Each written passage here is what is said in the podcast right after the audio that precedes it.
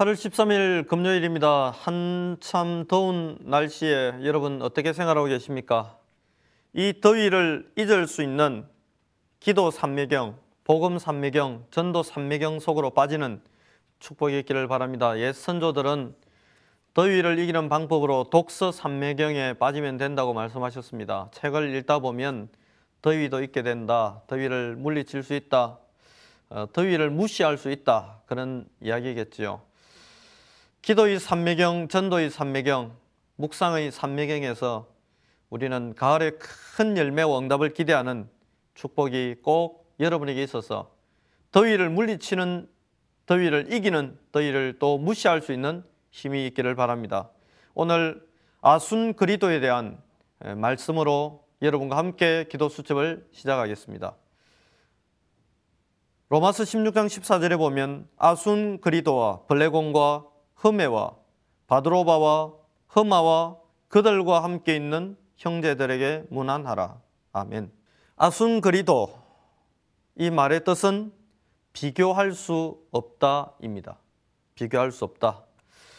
바울이 편지를 보낼 때 아순 그리스도, 그리도에게 문안하라라고 했습니다. 아순 그리도는 로마 복음화의 축복 속에 들어간 인물입니다.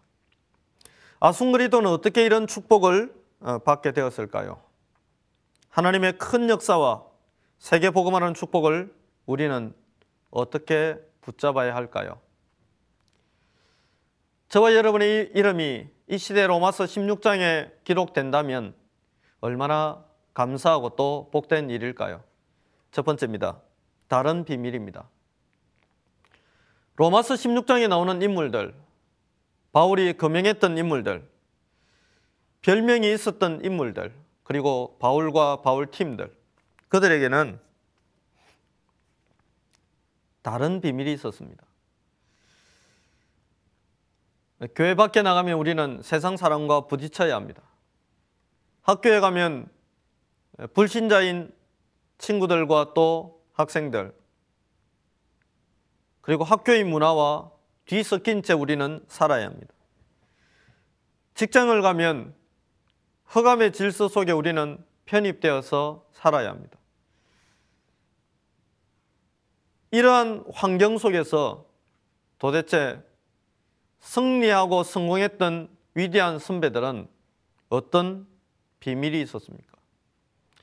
이분들에게는 어, 다른 비밀이 있었습니다. 아순 그리스도를, 그리도를 비롯한 로마서 16장의 인물들은 가장 중요한 다른 비밀인 복음이 확실했습니다. 복음을 나의 것으로 총신의 3대 표가 있습니다. 복음 체질화. 분명히 세상 사람과 비교할 수 없고 또 비교당할 수 없는 다른 비밀, 복음. 복음을 나의 것으로 만드는 복음 체질화. 이 복음을 누리는 기도 생활화. 그리고 세계 복음화입니다. 다른 비밀에 이 두 가지가 들어 있습니다. 복음을 나의 것으로 누리는 복음 체질화. 이 복음을 복음되게 누리는 기도의 생활화. 하나님의 자녀가 확실하다면 기도하지 않아도 응답이 옵니다. 그러나 기도하고 있지 않으면 응답이 와도 이것이 하나님의 시간표인지 아닌지 알 수가 없습니다. 하나님의 시간표 속에 정확히 거할 수 있는 복음, 그리고 기도의 비밀을 가지면 저와 여러분은 중요한 세 가지 응답을 받게 됩니다. 두 번째, 기도의 비밀 속에 있으면 주어지는 세 가지 응답입니다. 첫 번째는 하나님의 큰 은혜가 보입니다. 저와 여러분이 이 복음의 비밀을 알았다는 것이 큰 응답입니다. 저와 여러분이 이 복음의 능력을 누린다는 것이 더 큰 축복입니다. 더 감사한 것은 하나님이 저와 여러분에게 이 복음을 알게 하시려고 영세전에 준비해 놓으셨다는 것입니다. 하나님이 저와 여러분을 구원하기 위해서 창세전에 구원 계획을 완성하셨다는 사실입니다. 이것이 하나님의 큰 은혜입니다.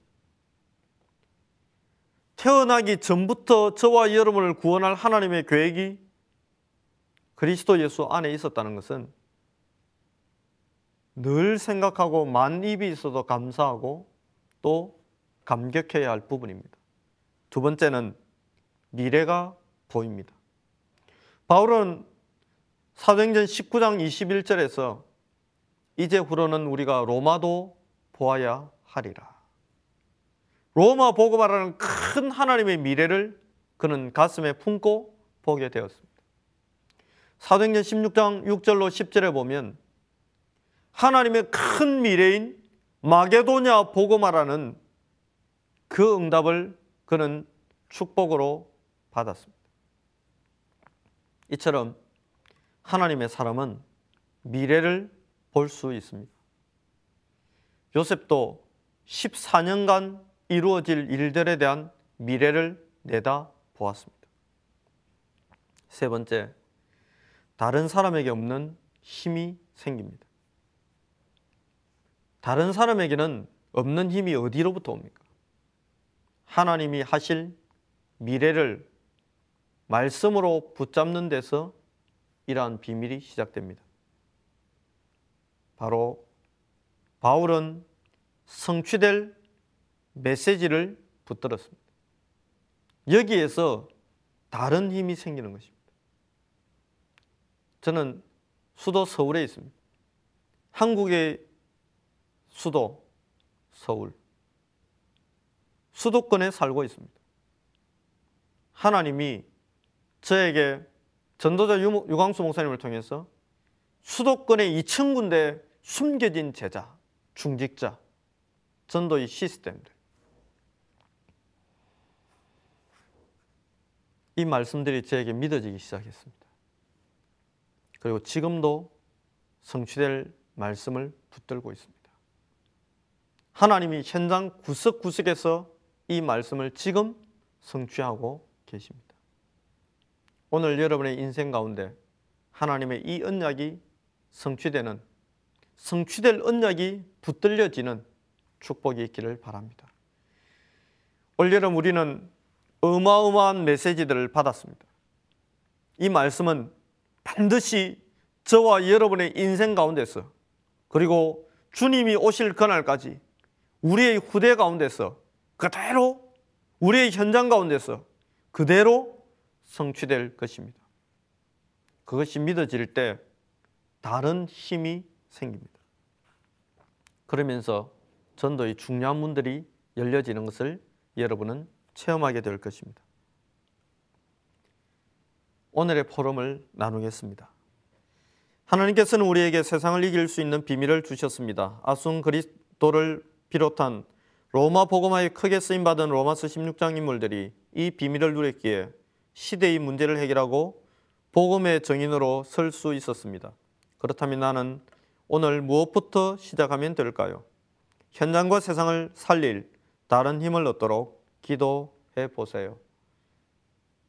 현장과 세상을 살릴 다른 힘. 오늘 그 힘을 하나님은 여러분의 미래 속에 여러분과 저를 구원한 구원 속에 성취될 말씀 속에 담아 두셨습니다. 기도하겠습니다. 반드시 성취될 언약을 주시고 그 언약대로 성취하신 하나님을 찬양합니다.